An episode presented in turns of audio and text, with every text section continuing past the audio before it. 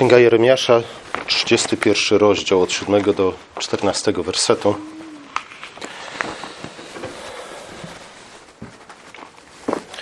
Jeremiasz w tym fragmencie, cały 30 i 31 rozdział y, to jest y, pieśń, pieśń, poezja, która mówi o obietnicy powrotu z wygnania ale żebyśmy wiedzieli, o czym tak naprawdę prorok mówi, musimy wiedzieć coś niecoś na temat tego wygnania jego okoliczności, sytuacji, w jakiej znalazł się Izrael, a także przyczyn, dla których Izrael znalazł się na wygnaniu. Dokładnie chodziło o południowe plemiona, chodziło o wygnanie babilońskie. Cała księga Jeremiasza, e, pierwsze, jeśli dobrze pamiętam, 25-26 rozdziałów przedstawia nam sytuację w Jerozolimie, w Judzie, przed uprowadzeniem do niewoli babilońskiej. Przy czym tych uprowadzeń było kilka, nie, nie jedno, e, rozciągnięte na przestrzeni około 20, 20, lat. W czasie tego pierwszego wygnania Daniel i jego przyjaciele znaleźli się w Babilonie. Nie? Mówimy o tych czasach, mówimy o tej sytuacji. Także na, najpierw kilka słów na temat samego wygnania, na temat samych okoliczności wygnania, ze względu na to, że, że to pozwoli nam lepiej zrozumieć radość, do której wzywa Jeremiasz swoich współplemieńców. Kiedy Bóg powołał Jeremiasza na proroka, powiedział do niego: Spójrz, daję ci dzisiaj władzę nad narodami i nad królestwami, byś wyrywał i obalał, byś niszczył i burzył, byś budował i sądził. Pierwsza część księgi Jeremiasza mówi o wyrywaniu i, o, i obalaniu, o niszczeniu i o burzeniu. I oczywiście y, możemy się domyślać, jakie są powody tego niszczenia i obalania, wyrywania i burzenia, oczywiście powodem jest odstępstwo Izraela od jego Boga. Bóg jest dobry dla swojego ludu, Bóg związał się ze swoim ludem przymierzem, Bóg wielokrotnie e, dał dowody swojej łaskawości, wierności swojemu ludowi. Nie już, już w czasie pierwszego wyjścia z niewoli, wcześniej, później e, Izrael jednak nie za bardzo chciał słuchać Boga. E, mówimy o czasach późniejszych od tych, o których mówiliśmy, omawiając fragmenty z księgi Izajasza. Tam, tam te wydarzenia miały miejsce jakieś 150 lat wcześniej, kiedy to Asyryjczycy zagrażali Izraelowi. Teraz Babilon podbił Asyrią i Izrael stał się zagrożeniem dla południowego południowego y, królestwa, królestwa Judy. Y, niestety wina Judy stała się podobna do winy, winy Samarii i dlatego Bóg wygnał swój lud z jego domu. Prorok zwraca się do, do ludu, który odstąpił od, od, od Boga, który wzgardził jego przymierzem, który wzgardził jego, jego darami y, i w wyniku tego znalazł się na wygnaniu. Nie? Przy czym, gdy mówimy o wygnaniu, mówimy nie tylko i wyłącznie o wygnaniu z, z, ziemi rodzinnej, z domu rodzinnego, ze wsi rodzinnej, nie z miejsca, w którym y, nasi przodkowie żyli od pokolenia, od pokoleń, ale mówimy przede wszystkim o wygnaniu z ziemi obiecanej, nie? bo tym była Juda. O wygnaniu z Jerozolimy i o zniszczeniu świątyni, a świątynia, jak pamiętamy, był, była domem Boga. Nie? Był, był tym miejscem, w którym lud mógł spotykać się ze swoim Bogiem, w którym zamieszkiwała chwała Boga, w którym mogli otrzymywać od Boga Jego dobre dary. Nie, przede wszystkim o to chodzi w tym wygnaniu. Nie, nie o to, że, że musieli zmienić swoje miejsce zamieszkania. Pod wieloma względami, zwłaszcza ekonomicznymi, wielu Żydom powodziło się lepiej na wygnaniu niż, niż w ich rodzinnej ziemi. Nie? Także nie, nie chodzi tylko i wyłącznie o to. Chociaż powiedziło im się później, bo z początku spotkało ich sam nieszczęście. Prorok opisuje te doświadczenie wygnania, używając takich obrazów jak nieustający płacz i smutek, notoryczny brak wody, niedostatek, między innymi chleba. Gdy, jeśli chcemy lepiej zrozumieć, e, czym było to doświadczenie wygnania, przede wszystkim czym było samo zniszczenie Jerozolimy i, i, i co towarzyszyło zniszczeniu Jerozolimy, oczywiście musimy się udać do jakiej księgi? Do Księgi Trenów, nie? do lamentacji Jeremiasza, ze względu, że, że tam Jeremiasz, który był świadkiem zniszczenia Jerozolimy, świadkiem oblężenia Jerozolimy, opisuje te wydarzenia w sposób bardzo, bardzo graficzny i dosadny. E, nie tylko zniszczeniu Jerozolimy, ale także, także wygnaniu e, towarzyszył mm, brak nadziei. Nie? Brak nadziei spowodowany świadomością e, czy też smutek i brak nadziei spowodowany świadomością tego, że co Izrael utracił, nie? świadomością tego, że zaciążyła na nim ręka Boga, świadomością tego, że oto Izrael znalazł się wobec przeciwnika, któremu nie był w stanie sprostać. Treny Jeremiasza, jak już powiedziałem, w bardzo dobitny sposób opisują sam upadek Jerozolimy, i po, który poprzedzał uprowadzenie mieszkańców Jerozolimy do Babilonu. Przeczytam fragment z, z lamentacji Jeremiasza po to, żebyśmy mogli mieli lepsze wyobrażenia o, o wydarzeniach, o których mówimy. Ach, jakże zostało samotne miasto, tak ludne, jak gdyby wdową się stała przodująca wśród ludów. Władczyni nad okręgami, cierpi wyzysk jak niewolnica. Płacze pośród nocy, na policzkach jej łzy, a nikt nie pociesza spośród wszystkich przyjaciół. Zdradzili ją wszyscy najbliżsi i stali się wrogami. Wygnańcem jest Juda przez nędzę i ciężką niedolę. Mieszka pomiędzy ludami. Nie zaznał spoczynku. Dosięgli go wszyscy prześladowcy pośród ucisku. Drogi Syjonu w żałobie, nikt nie spieszy na jego święte. Wszystkie jego bramy bezludne, kapłani wzdychają, dziewice znękane, on sam pogrążony w goryczy.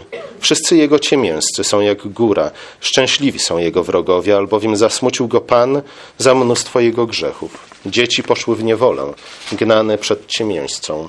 Opuściło córę Sionu całe jej dostojeństwo. Przywódcy jej niby jelenie, co paszy nie mają i bezsilnie się wloką przed łowcą. Jeśli myślicie, że, że to jest obraz przerażający, to posłuchajcie tego, co, co prorok miał do powiedzenia dalej w czwartym rozdziale. Ach, jak szczerniało złoto, ten kruszec szlachetny, święte kamienie porozrzucane po rogach wszystkich ulic. Szlachetni synowie Syjonu, cenni jak szczere złoto. Oto poczytani są za dzbany gliniane, toczone ręką garncarza. Nawet szakale podsuwają sutki, gdy karmią swoje młode, a córka mojego ludu jest okrutna, jak strusie na pustyni. Język niemowlęcia przylgnął z, pod, z pragnienia do podniebienia. Dzieci prosiły o chleb, lecz nikt go im nie podał. Ci, co jadali wyszukane potrawy, omdleli na ulicach, a ci, co byli chowani w purpurze, położyli się na śmietniskach. Wina córki mojego ludu była większa niż grzech Sodomy, w okamgnieniu wywró wywróconej, bez udziału rąk ludzkich. Jej książęta byli jaśniejsi niż śnieg, bielsi niż mleko, ich ciała rumieńsze niż korale, ich wygląd jak szafir, ale teraz są czarniejsi niż sadza, nie do poznania na ulicach. Zmarszczyła się skóra na ich kościach, wyschła jak drewno. Szczęśliwsi pobici od miecza niż ci, co umierali od głodu. Opadli z sił, trawieni głodem, bo brak plonów polnych. Tkliwe zwykle kobiety własnymi rękami gotowały swoje dzieci. Te służyły im za pokarm w czasie zagłady córki swojego ludu. Mówiliśmy o Achazie, który zabił swoje dziecko po to, żeby na nim ugruntować swoje królestwo. E, tu prorok mówi o matkach, które gotowały własne dzieci po to, żeby się nimi najeść. To były okoliczności towarzyszące upadkowi Jerozolimy. I gdy Izrael w końcu udał się na wygnanie, oczywiście wspomnienia Jerozolimy nie były niczym, co, w czym mógłby znaleźć pocieszenie. Mówi o tym Psalm 137. Nie? Psalm e, o tym, jak to mieszkańcy Babilonu prosili mieszkańców Jerozolimy, aby zagrali im jedną z pieśni Syjonu. Ale mieszkańcy Jerozolimy, którzy, którzy znaleźli się na wygnaniu, nie znajdowali żadnych, żadnego powodu do tego, aby śpiewać jakąkolwiek pieśń Syjonu. Smutek i żal był tak wielki, że, że nie mieli ochoty nawet wspominać tego, co utracili nawet śpiewać pieśni żałobnych. Pamięć o Jerozolimie, pamięć o ziemi utraconej, e, o, o, utraconej ziemi obiecanej, pamięć o zniszczonym domu Boga tylko wzmacniała uczucie bólu, a także apatii. Nie? Nic mi się nie chciało. E, nie chcieli wspominać tych wydarzeń, prawdopodobnie dlatego, że były po prostu zbyt bolesne. Nie? Były zbyt świeżymi ranami, żeby można zbyt długo na nich skupić swoje myśli ale też smutek i bóle, jakie, jakie odczuwali, yy, spowodował u nich apatię. Nie? Znaleźli się w letargu. Nie chcieli nic robić, bo cokolwiek by zrobili, i tak nie poprawiłoby to ich sytuacji. Nie? Nic, co, co mogłoby się wydarzyć, nie mogło odmienić ich sytuacji. Innymi słowy, nie było dla nich żadnej nadziei. Ich bezsilność zrodziła beznadzieję, a z kolei beznadzieja zrodziła apatię, bezczynność, letarg. Po co cokolwiek robić, jeśli nic co zrobimy i tak nie odmieni naszego losu. Nie? Po co wspominać dawne dni, jeśli tylko rozbudzą one na nowo ból naszego serca?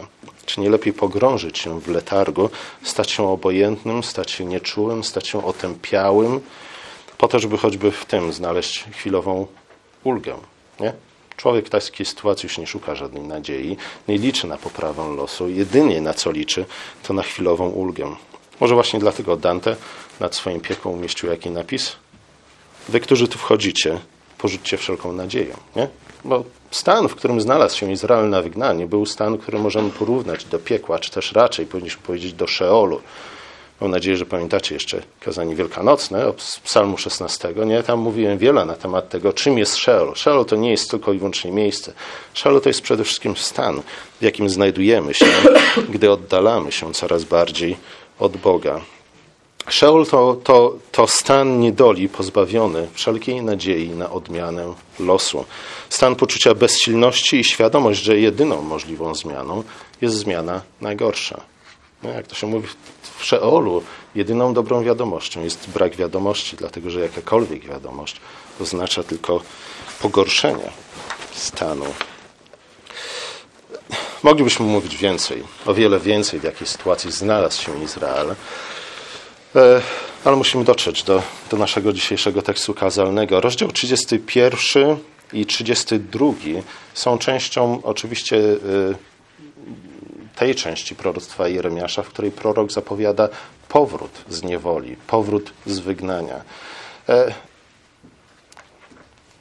to jest ta część, w którym e,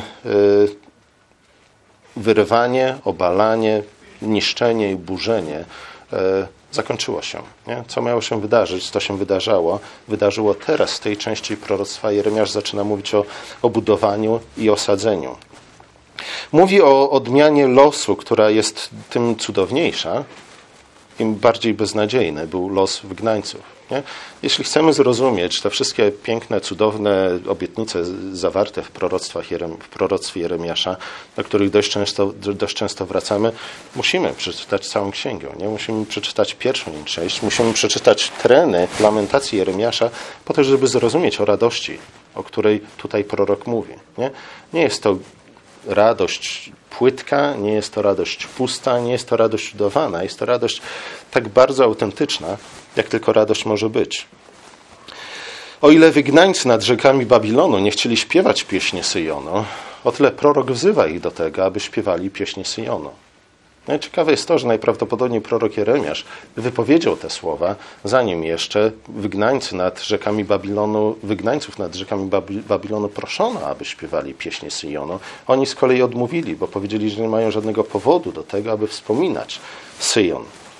Prorok Jeremiasz, e, innymi słowy, daje swojemu ludowi obietnicę, obietnicę powrotu z wygnania i mówi, że z tego powodu Izrael powinien śpiewać pieśni radości i chwalić Pana. W czym problem? Widzicie tu jakiś problem w takim przedstawieniu sprawy? No problem polega na tym, że Izrael wciąż jest, wciąż jest na wygnaniu, nie? a już ma śpiewać pieśni radości o powrocie z wygnania. Nie? Zwykle w naszym życiu to tak nie funkcjonuje. Nie? Zwykle jeśli już czymś się cieszymy, zwykle jeśli już czymś się radujemy, to raczej wypełnieniem obietnicy, a nie samą obietnicą. Prorok jednak mówi, słuchajcie, bardzo ważne jest dla was to, abyście już teraz, kiedy wciąż jesteście na wygnaniu, kiedy nie macie żadnej ochoty do tego, aby śpiewać pieśni Syjona, abyście na nowo zaczęli je śpiewać, abyście zaczęli też śpiewać nowe pieśni mówiące o powrocie z wygnania. Nie? Ludzie, którzy to słyszeli, najprawdopodobniej obracali się wokół siebie, patrzyli się na to, na sytuację, w której się znaleźli i mówili, ale nie mamy żadnego powodu do tego, aby śpiewać pieśnie radości. radości nie? nie mamy po żadnego powodu do tego, aby cieszyć się z powrotu z wygnania, w którym się znaleźliśmy, a jest to wygnanie, z którego, z którego wszystko na to wskazuje, nigdy nie powrócimy. Nie? Zgrzeszyliśmy tak okropnie, że Bóg nie tylko wyrzucił nas z ogrodu, ale wygnał nas daleko, daleko na wschód. Pamiętamy, nie? Że, że za każdym razem, kiedy człowiek coraz bardziej buntuje się przeciwko Bogu, tym bardziej na wschód się udaje. Nie? Tutaj Izrael znalazł się tak daleko na wschodzie, jak tylko mógł się znaleźć. Nie mieli żadnego powodu do tego, aby śpiewać pieśni radości. Nie? My też zwykle, gdy idziemy do domu żałoby, nie śpiewamy pieśni radości, ale, ale Bóg zdaje się mówić do, przez Jeremiasza do swojego ludu, że słuchajcie, żałoba jest jak najbardziej na miejscu. Nie? E, bez sensu jest udawanie tego, że nic się nie stało. Nie? Tylko głupiec i człowiek ślepy, a wręcz okrutny, udawałby, że nic się nie stało, ale w którymś momencie przychodzi czas na to, aby żałoba się skończyła. W którymś momencie przychodzi czas na to, aby zacząć śpiewać pieśni radości. Ale wciąż pozostaje problem taki, iż oni wciąż byli na wygnaniu.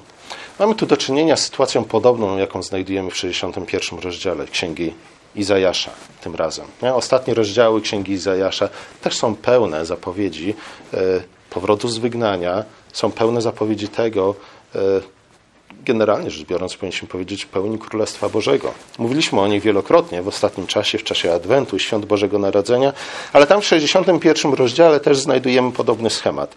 Widzimy, że pieśń chwały poprzedza odbudowanie zrujnowanych miast. Nie? Najpierw ze względu na odstępstwo Izraela, jego wrogowie, którzy byli narzędziem w ręku Boga, poprzez które Bóg ukarał swój lud, zniszczyli miasta Izraela. Izrael znalazł się w niedoli i w nędzy. I teraz prorok Izajasz zapowiada odbudowanie miasta, ale mówi, słuchajcie, punktem wyjścia do odbudowania waszych miast jest pieśń radości, którą macie zacząć śpiewać. Pieśń chwały. Jest to... Yy, ta pieśń jest odpowiedzią nie na spełnienie obietnicy, ale na same słowa obietnicy. Nie? I wydaje mi się, że to jest to wiecznie najważniejsza rzecz, o której powinniśmy dzisiaj pamiętać. Nie? E, iż właściwą odpowiedzią na obietnicę, której daje nam Bóg, jest dziękczynienie, jest pieśń chwały, pieśń radości. Innymi słowy, jedyną odpowiedzią na, na obietnicę, jakie daje nam Bóg, jest wiara, ufna wiara, która rodzi z kolei nadzieję. Nie? Nadzieja, która uzdalnia nas do tego, abyśmy mogli uczestniczyć w spełnieniu obietnicy. Pieśń chwały napełnia złamane serca nową nadzieją, zamienia smutek w radość i umożliwia odbudowę zrujnowanych miast. Pieśń chwały jest też pieśnią, która umożliwia powrót z wygnania. Dzisiaj nie powinniśmy czekać ze śpiewaniem pieśni chwały na koniec naszych wszelkich udręk, trosk, smutków, bólów. Nie? Nie, nie, nie tego y, uczy nas Pismo Święte. Pismo Święte mówi raczej, że Bóg daje, wkłada w nasze usta pieśni chwały, ze względu na to, że jest to część powrotu z wygnania. Jest to początek końca naszej niedoli. Jest to coś, co przygotowuje nas i uzdalnia nas do tego, abyśmy mogli odbudować zniszczone miasta. Obietnica jest, jest co najmniej równie wielka, jak i niezwykła, co, co niedola związana z wygnaniem. Znów znajdujemy w niej obraz zapożyczony z ogrodu Eden, a także z wyjścia z Egiptu. Mówiliśmy o tym wielokrotnie w ostatnim czasie, ale, ale przeczytam jeszcze raz fragment tego 31 rozdziału. Pan bowiem uwolni Jakuba, wybawi go z ręki silniejszego od niego. Nie? Babilon zdecydowanie był silniejszy, silniejszy od Judy i od, od, Jerozolimy, dlatego byli w stanie zniszczyć Jerozolimę i uprawić Judę. Pan jednak jest silniejszy od najsilniejszego imperium, jakie kiedykolwiek powstało na ziemi. Nie, Pan jest silniejszy od, od kogokolwiek, kto może stanąć przeciwko nam. Przyjdą i będą wykrzykiwać radośnie na wyżynie Syjonu i rozradują się błogosławieństwem Pana, zbożem, winem, oliwą, owocami i wołami. Nie? Tu mamy oczywiście powrót do ogrodu Eden, ale tu mamy też co? Koniec potopu. Nie? To jest moment, w którym po raz pierwszy e, człowiek mógł napić się wina. Nie? Owce i woły i tak dalej, i tak dalej. E, innymi słowy, prorok zbiera nam do jednej paczki te wszystkie wspomnienia wielkich powrotów z wygnania, albo raczej powinniśmy powiedzieć nowego stworzenia świata, w którym, o którym mówi Pismo Święte i mówi, słuchajcie, ten powrót z wygnania będzie jak wszystkie poprzednie powroty e, z wygnania, jak wszystkie y, poprzednie doświadczenia śmierci i zmartwychwstania, które, przez, które, przez które przeszliśmy w historii. Będzie jak wyjście z Egiptu, połączone z końcem potopu, połączone z czym? Uwolnieniem Izraela od jego wrogów w czasach Dawida i Salomona. Nie? Tym będzie powrót z wygnania, o którym wam mówię. Życie ich będzie y, podobne do zroszonego ogrodu i nigdy już sił im nie zabraknie. Wtedy ogarnie dziewicę radość wśród tańca i młodzieńcy cieszyć się będą ze starcami. Zamienię bowiem ich smutek w radość, pocieszę ich i rozweselę po ich troskach. Kapłanom dostarczę obficie tłuszczu, a naród mój nasyci się wszelkim dobrem. Wyrocznia Pana. A zatem pośród nieszczęścia i wbrew wszelkim okolicznościom Izrael miał uwierzyć w tę obietnicę, uchwycić się tej obietnicy i odpowiedzieć pieśnią chwały. Nie? I to był początek powrotu z wygnania. Kiedy Izrael jeszcze wciąż znajdował się na wygnaniu, kiedy, kiedy dla, dla Izraela po ludzku rzecz biorąc nie było żadnej nadziei, to był początek jego powrotu z wygnania. Nie powinni nigdy czekać na to, by zaśpiewać pieśni chwały, gdy dopiero wrócą do swojej ziemi. Nie? Gdyby tak czekali, gdyby takie było ich podejście, nigdy by nie powrócili. Nie? Powrót z wygnania rozpoczyna się od właściwej odpowiedzi na słowo obietnicy. Jednak historia pokazuje, że powrót z wygnania, e, z babilońskiego wygnania, nie, nie przyniósł tego wszystkiego, o czym, co obiecywał prorok. Nie? Podobnie jest z wieloma obietnicami, jakie znajdujemy w księdze Izajasza. Wielkie zapowiedzi, y, bardzo poruszające naszą wyobraźnię i, i nasze serca, ale widzimy, że, że powrót z wygnania babilońskiego nie spełnił do końca pokładanych w nim nadziei. A może od początku nie? tak było, że powrót z wygnania babilońskiego miał być tylko i wyłącznie obrazem, zapowiedzią, typem tego kolejnego, jeszcze większego, jeszcze ważniejszego powrotu e, z wygnania, powrotu z wszystkich wygnań. Powrót z tego wygnania zapowiedział, zapowiadał ten powrót z wygnania, o którym czytamy na początku Pisma Świętego. Nie? Bo wygnanie babilońskie nie było pierwszym wygnaniem, jakiego doświadczył człowiek, czy jakiego doświadczył Boży lud. Pierwszym wygnaniem, o którym mówi Pismo Święte, to jest wygnanie z ogrodu Eden. Nie? po tym jak Adam i Ewa y, spożyli owoc z drzewa zakazanego, Bóg wygnał ich na wschód. Pamiętacie też, mówiliśmy o tym jakiś czas temu. Później historia człowieka przedstawiona aż do czasu potopu jest czym?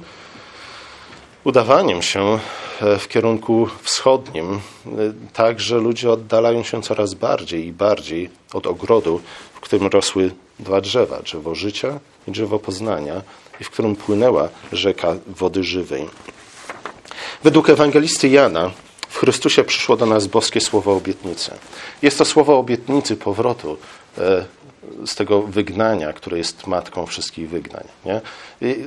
Jest to boskie słowo obietnicy powrotu z wygnania, tego pierwszego, pierwotnego wygnania, które zrodziły, zrodziło wszystkie inne wygnania, które doświadczył Boży lud w swojej historii i które doświadczają przynajmniej niektórzy z nas, w swoim własnym osobistym życiu. Słowo stało się ciałem, słowo obietnicy stało się ciałem, bo wydaje mi się, że między innymi w ten sposób powinniśmy rozumieć to słowo, o którym mówi Jan w prologu swojej Ewangelii. Słowo obietnicy stało się ciałem i zamieszkało między nami. Nie? To był pierwszy moment, w którym powinniśmy zareagować na to słowo obietnicy pieśnią chwały. I gdy czytamy ewangelijne E, relacje z narodzin Chrystusa, widzimy, że, że ludzie reagują na to słowo obietnicy na dwa sposoby. Jedni strachem i lękiem, i złością, i gniewem, jak na przykład król Herod i cała Jerozolima, ale z drugiej strony są też ludzie, którzy reagują na to słowo obietnicy pieśnią chwały. Zobaczcie, że do tego właśnie zachęcają aniołowie, pasterzy, którzy by, jako, do których jako pierwszych dotarło to słowo obietnicy. Oczywiście za wyjątkiem Józefa, Marii, Zachariasza i Elżbiety. Nie? Co robią? Wybuchają pieśnią chwały. Nie? To jest pierwsza reakcja na, właściwa reakcja na słowo obietnicy, które do nas dotarło. To słowo zamieszkało między nami, to, to słowo stało się jednym, jednym z nas. W nim oczywiście ujrzeliśmy chwałę Ojca, w nim ujrzeliśmy prawdziwego Boga. E, problem też był w tym, że w nim ujrzeliśmy prawdziwego człowieka. Nie? Zobaczyliśmy to, e, co to znaczy być człowiekiem. Nie? Zobaczyliśmy, co to znaczy być człowiekiem stworzonym na obraz Boga. I niestety to, co zobaczyliśmy w Chrystusie, nie spodobało się nam. Ponieważ był najbardziej ludzki z nas wszystkich, potraktowaliśmy go tak, jakby nie był człowiekiem. Nie? I wygnaliśmy go z naszego grona. Wygnaliśmy go z naszego świata, wyrzuciliśmy go, wypchnęliśmy go na krzyż. Nie? Krzyż dla Chrystusa jest jego wygnaniem. Dlatego też powrót Chrystusa z krzyża, który się dokonał w zmartwychwstaniu, jest powrót z wygnania, które jest wygna, matką wszystkich wygnań. Nie? Kiedy wygnaliśmy Chrystusa na krzyż, było to Jego wygnanie podobne do wygnania Adama z ogrodu Eden, dlatego kiedy Chrystus powrócił z tego wygnania, powrócił z wygnania, które jest matką wszystkich wygnań.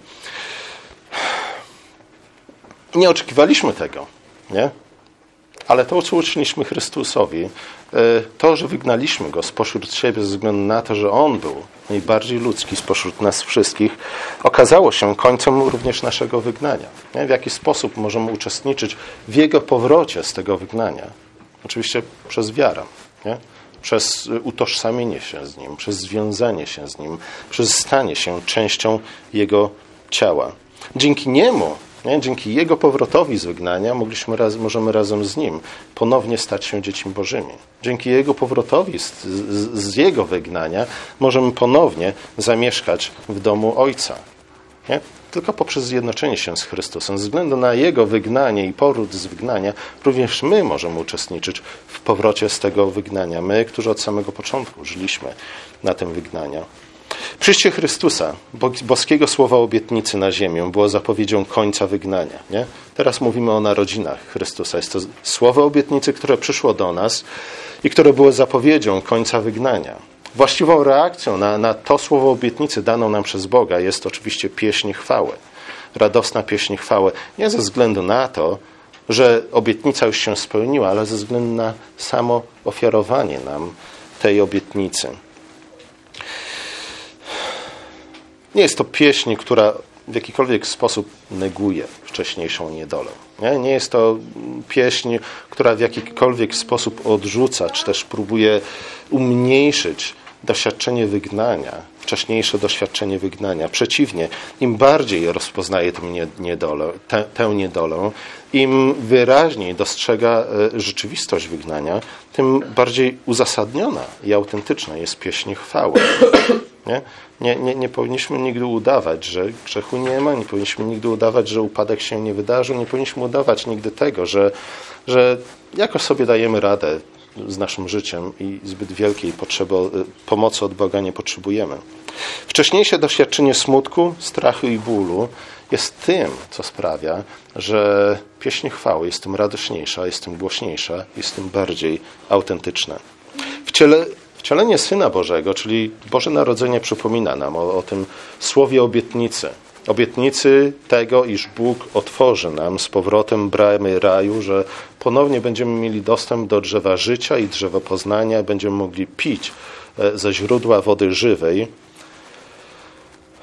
Zmartwychwstanie i jego w niebo wstąpienie jest spełnieniem tej obietnicy. Nie, widzicie, my, my jesteśmy o tyle bardziej uprzywilejowani od y, mieszkańców Jerozolimy, którzy znaleźli się na wygnaniu w Babilonie, kiedy Jeremiasz zwracał się do nich. Oni musieli wciąż, że tak powiem, wykazać większą wiarę niż my w pewnym sensie. Nie? Dlatego, że, że oni wciąż byli na wygnaniu, a już prorok kazał im śpiewać pieśń radości i pieśń chwały, dziękując za, za słowo obietnicę.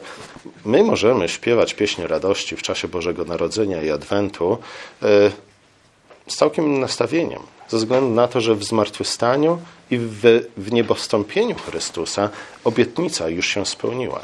Problem oczywiście polega na tym, że trudno nam to uwierzyć, iż rzeczywiście bramy raju zostały, zostały otwarte, że, że jest rzeczywiście tak, jak śpiewamy, śpiewaliśmy w tej ostatniej kolędzie.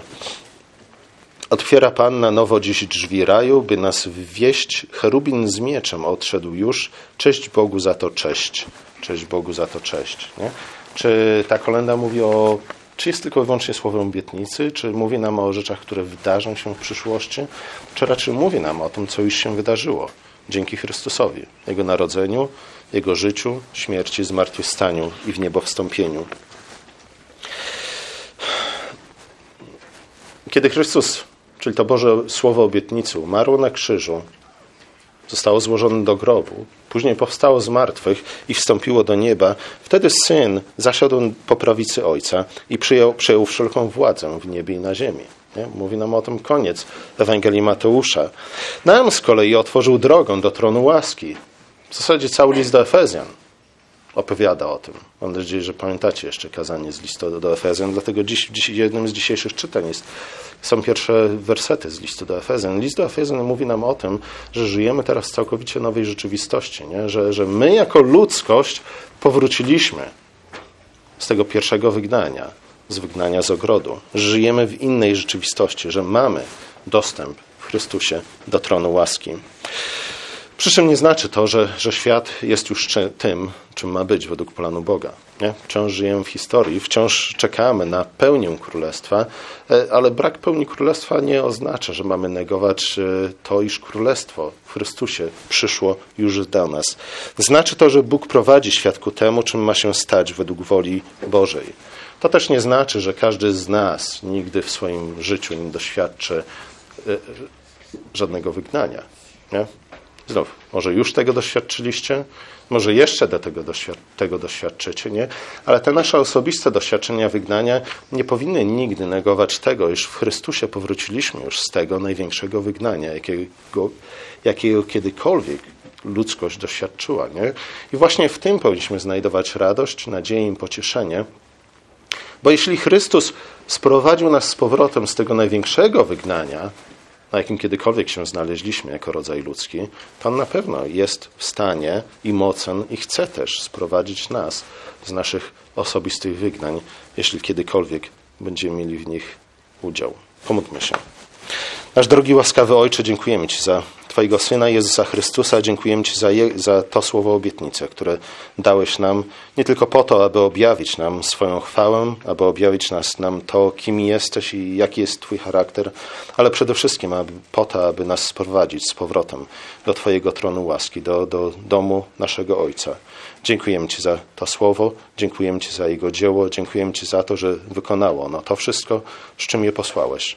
Ojcze, prosimy Cię o to, abyśmy nigdy o tym nie zapomnieli. Prosimy Cię o to, abyś Ty włożył w nasze serca i usta pieśń radości, tę jedyną właściwą odpowiedź na to słowo obietnicy.